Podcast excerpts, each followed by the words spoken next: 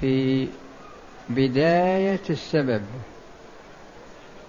ثم بعد ذلك يحصل سبب آخر يترتب عليه هذا الأثر. فعندنا أثر واحد. لكن اجتمع فيه سبب مبيح وسبب محرم. فمن رمى صيدا بجانب البحر ثم ذهب ركض هذا الصيد حتى وقع في البحر. فوجدناه ميتا. فموته هذا أثر. وإطلاق السلاح عليه وإصابته في مقتل هذا أثر. والبحر سبب سبب الغرق. فهل نضيف هذا الأثر وهو الموت للسبب الأول ويكون هذا الصيد حلالا. أو نضيفه إلى الثاني ويكون هذا الصيد حراما. القاعدة موضوعة لهذا النوع من الفروع. يعني وجدنا أثر قابل لسبب أول وقابل لسبب ثاني.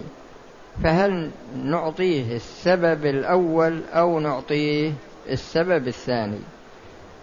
القاعدة في فروع كثيرة ترجعون إليها. القاعدة التي بعدها القاعدة الرابعة عشر. إذا وجد سبب إيجاب أو تحريم من أحد رجلين لا يعلم عينه منهما فهل يلحق الحكم بكل منهما أو لا يلحق بواحد منهما شيء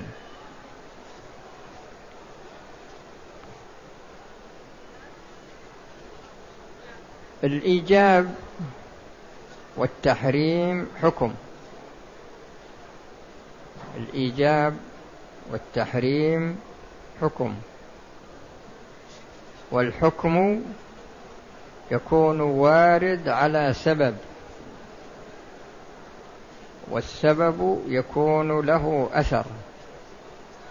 يعني ثلاث مراحل. مرحلة الحكم. الحكم وارد على سبب. السبب هذا له أثر.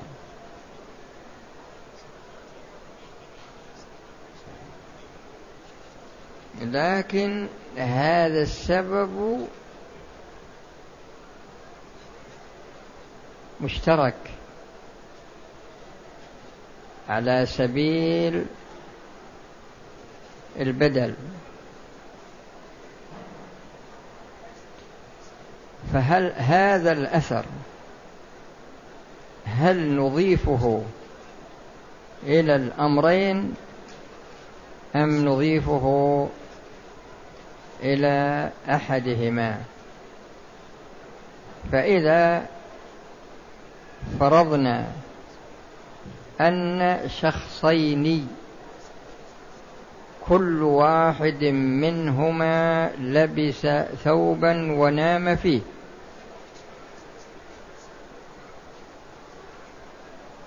النائم الأول بعدما استيقظ أخذ الثاني الثوب ولبسه ونام. ولما استيقظ وجدنا فيه أثر مني. فهل نقول إنه يجب على كل واحد منهما أن يغتسل؟ يعني يتطهر من الحدث الأكبر أو نعين الأول أو نعين الثاني. إذا رجع إذا رددنا هذا الفرع إلى قاعدة دع ما يريبك إلى ما لا يريبك فإننا نقول كل واحد منهما يغتسل. وذلك من باب دع ما يريبك إلى ما لا يريبك. القاعدة السادسة عشرة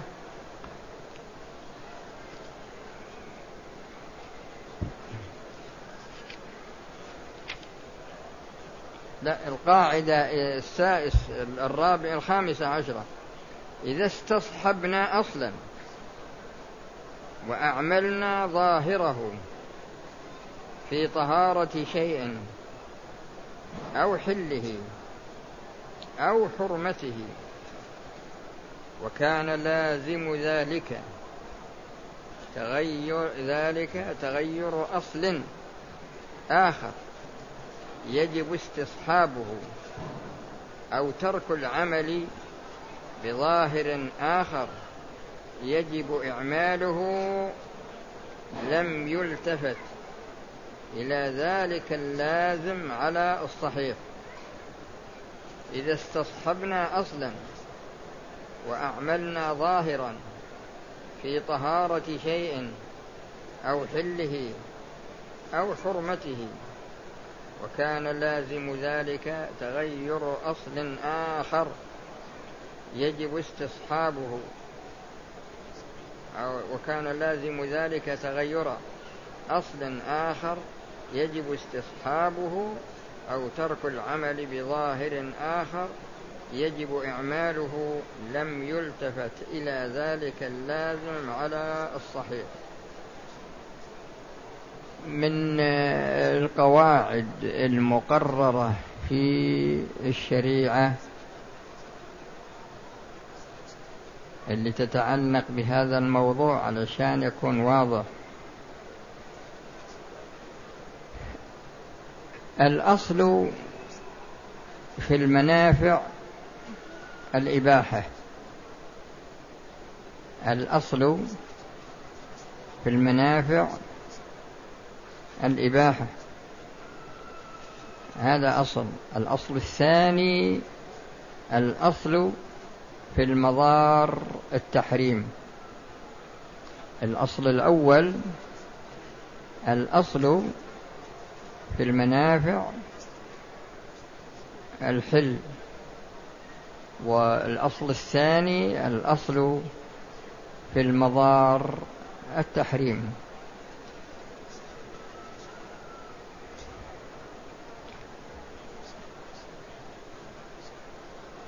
في أصل ثالث له علاقة بهذه القاعدة وهي وهو أن الأصل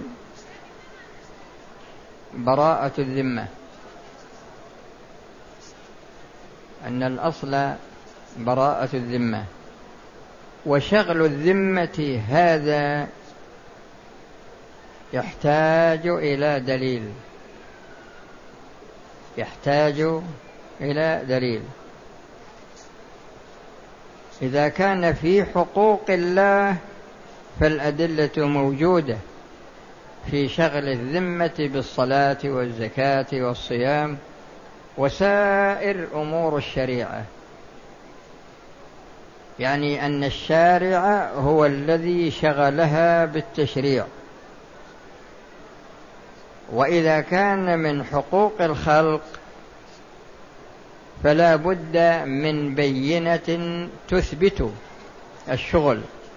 يعني شخص طالب شخصا بمبلغ من المال فنقول الأصل براءة ذمته من هذا المبلغ ولا يجوز شغلها إلا بدليل من أدلة ثبوت الأحكام كالإقرار والشهادة على اختلاف أنواعها. يعني لابد من دليل يستدل به على شغل الذمة. هذا أصل. وعلى هذا الأساس نقول الأصل في حقوق الخلق العدم. الأصل في حقوق الخلق العدم يعني أن حقوق الخلق لا تشغل ذمة إلا بدليل يدل على شغلها بهذا الشيء. ولا فرق في ذلك بين ما تشغل به من المنهيات مثل مثل الادعاء على شخص بالزنا أو بشرب الخمر أو باللواط أو بالسرقة أو بغير ذلك من المحرمات. فالأصل براءة ذمته من هذه الأمور. ولهذا تجدون أن الشارع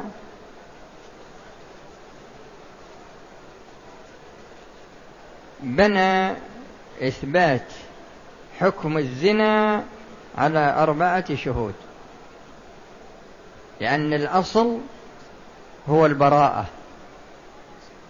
ولا تشغل هذه الذمة بدعوى من دعاوى المخلوقين إلا بدليل.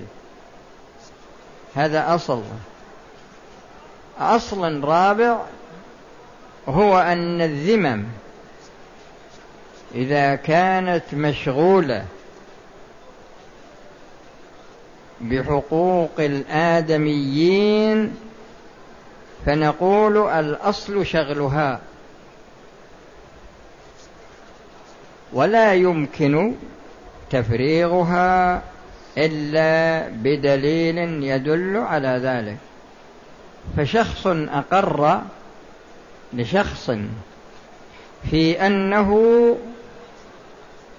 في أن في, في أن في ذمته له مثلا ألف ريال أو عشرة آلاف ريال أو ما إلى ذلك لكنه ادعى أنه سلمها له. فهذا إقرار في شغل الذمة ودعوى في تفريغها. تفريغها من هذا الحق. هذه الدعوة لا بد لها من دليل. الدليل هو اعتراف صاحب الحق. يقول نعم أنا استلمتها. أو شهود يشهدون بأن هذا الشخص سلم لهذا الشخص هذا المبلغ المعين. فعلى هذا الأساس نقول الأصل في الذمم أنها مفرغة. وإذا شغلت فالأصل أنها مشغولة. فالأصل أنها مشغولة. حتى يدل ما يدل على شغلها في الحال في الأصل الأول وما يدل على تفريغها في, في الأصل الثاني. هذه أربعة أصول. الأصل الخامس اللي له علاقة في فروع هذه القاعدة هو أن أنه لا يلزم من التحريم النجاسة.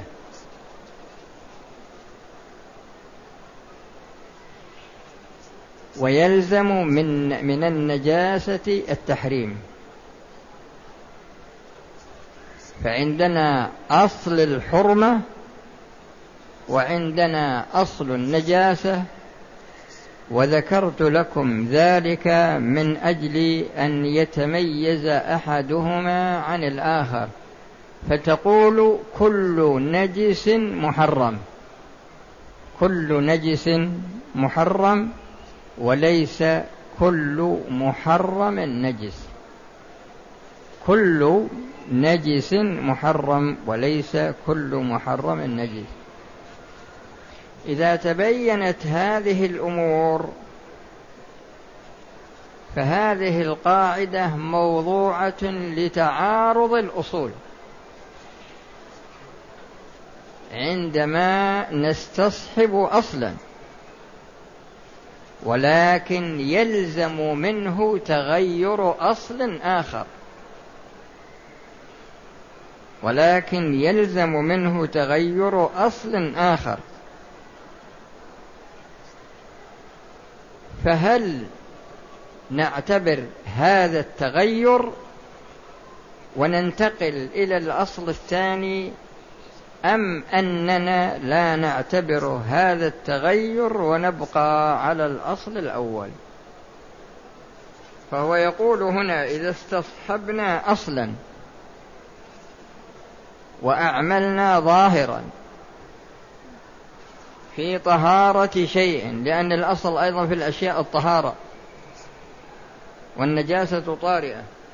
في طهارة شيء أو حله أو حرمته وكان لازم ذلك تغير أصل آخر يجب استصحابه أو ترك العمل بظاهر آخر يجب إعماله لم يلتفت إلى ذلك اللازم على الصحيح. ذكر هنا من الفروع المتفرعة عن هذه القاعدة إذا استيقظ من نومه فوجد في ثوبه بللا. وقلنا لا يلزمه الغسل على ما سبق فيما إذا تقدم منه سبب المذي فلا يلزمه أيضا غسل ثوبه ثوبه بحيث نقول إنما سقط عنه الغسل لحكمنا بأن البلل مذي. بل نقول في ثوبه الأصل طهارته فلا ينجس بالشك. والأصل طهارة بدنه فلا يلزمه الغسل بالشك. وهكذا تقرؤون بقية الفروع. القاعدة التي بعدها إذا كان الواجب بدلا فتعذر الوصول إلى الأصل حالة الوجوب. فهل يتعلق الوجوب بالبدل تعلقا مستقرا بحيث لا يعود إلى الأصل عنده عند وجوده آه، الله سبحانه وتعالى شرع الطهارة بالماء. وإذا عدم الماء فإنه يتيمم. شرع الكفارات. أي شكرا. السلام. شكر الله لك وبارك فيك. شرع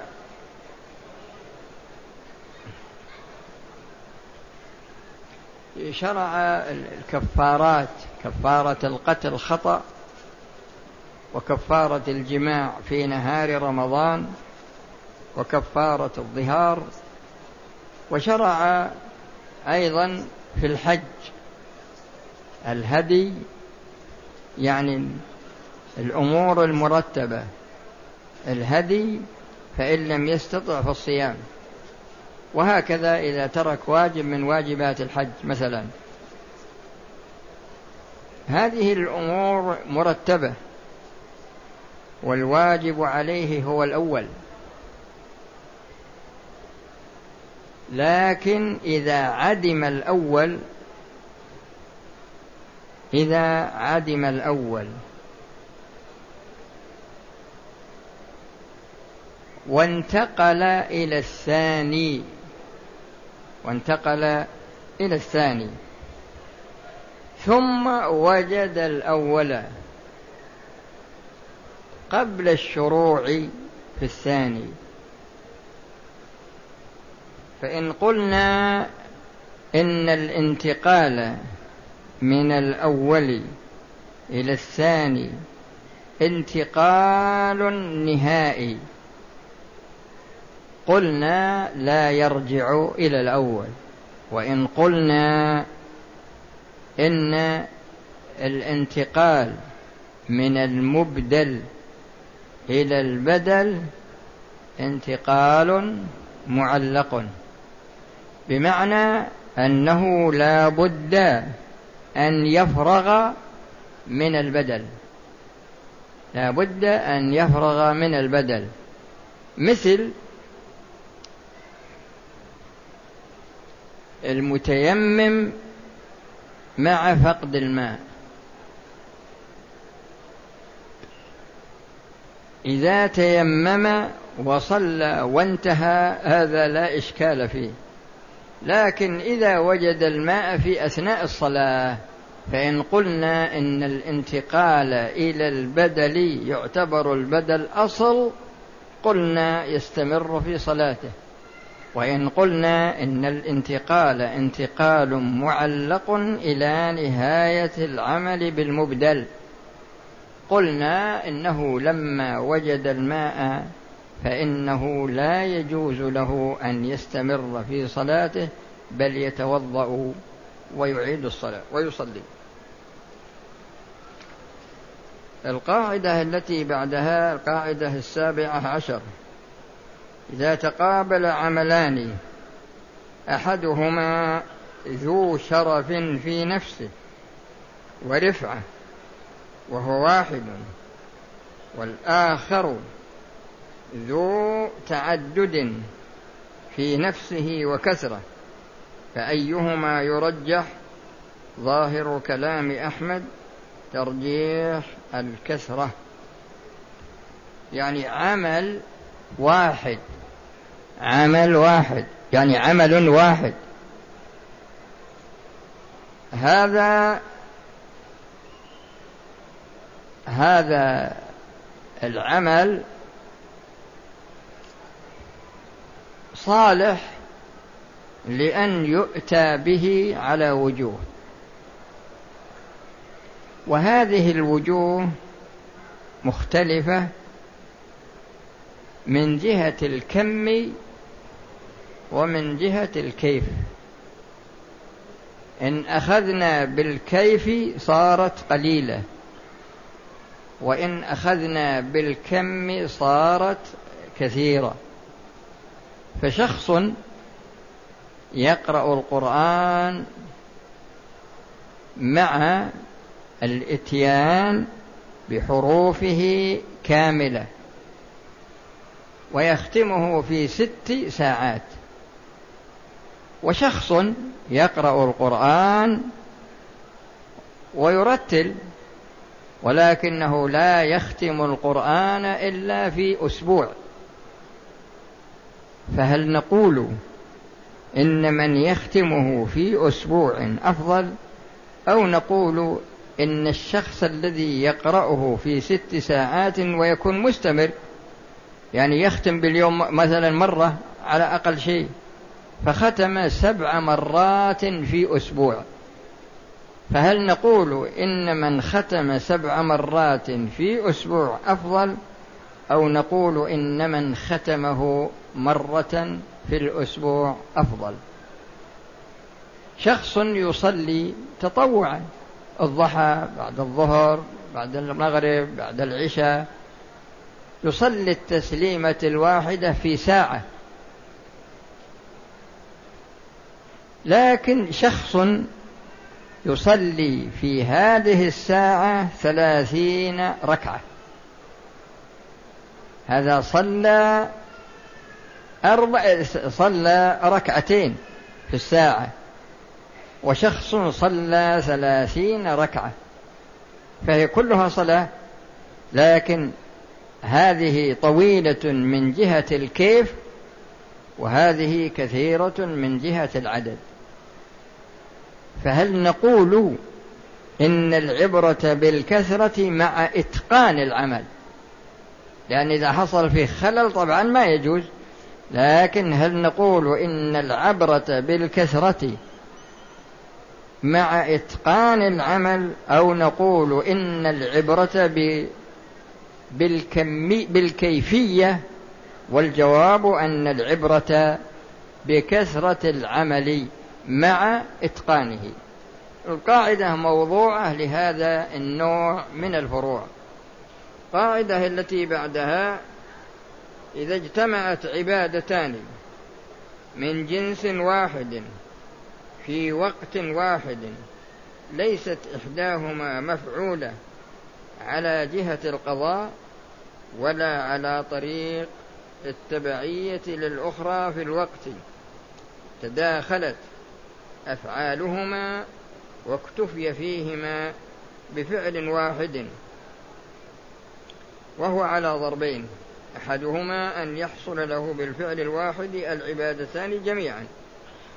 يشترط أن ينويهما جميعا على المشهور. فالشخص في هذا القسم الشخص عندما يغتسل عليه حدث أصغر وعليه حدث أكبر.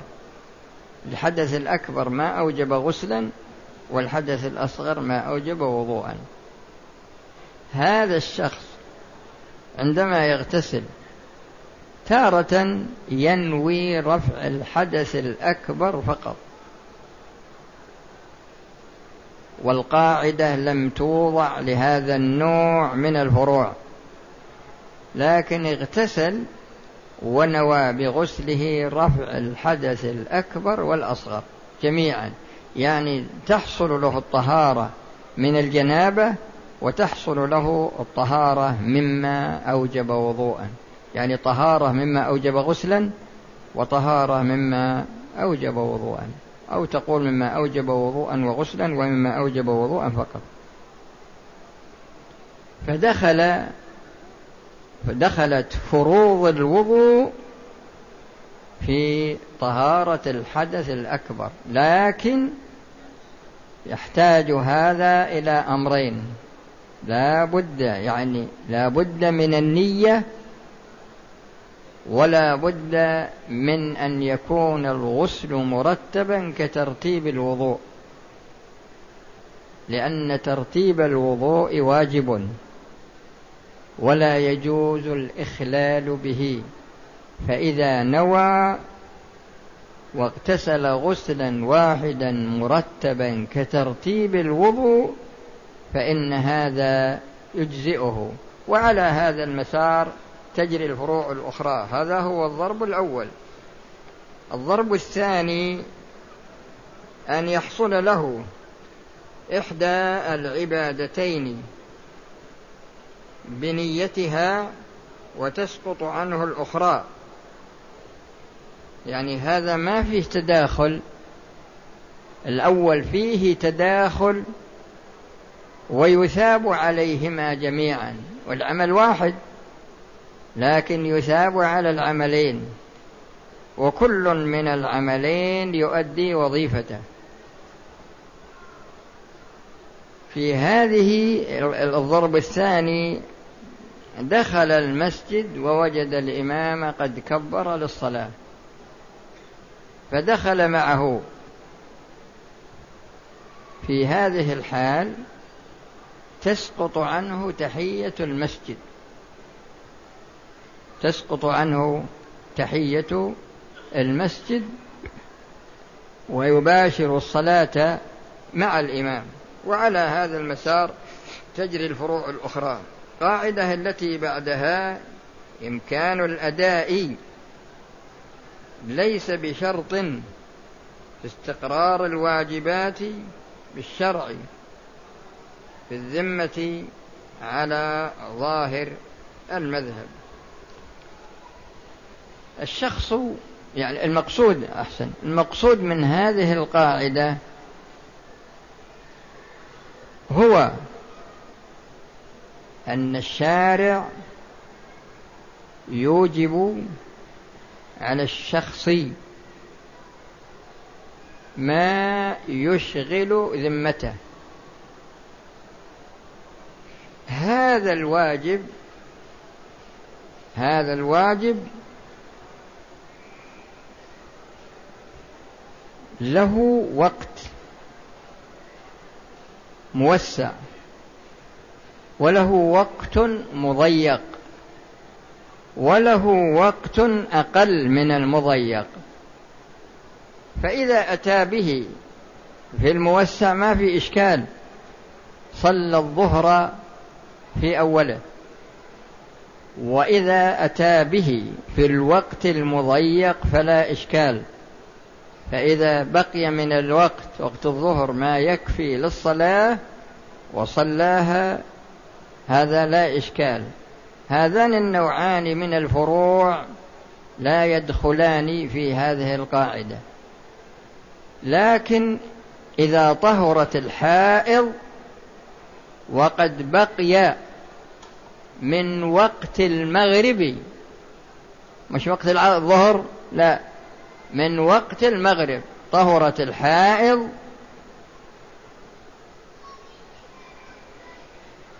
قبل غروب الشمس. طهرت قبل طلوع الفجر. حاضت بعد زوال الشمس مباشرة. حاضت بعد غروب الشمس مباشرة. فهذه أربع صور.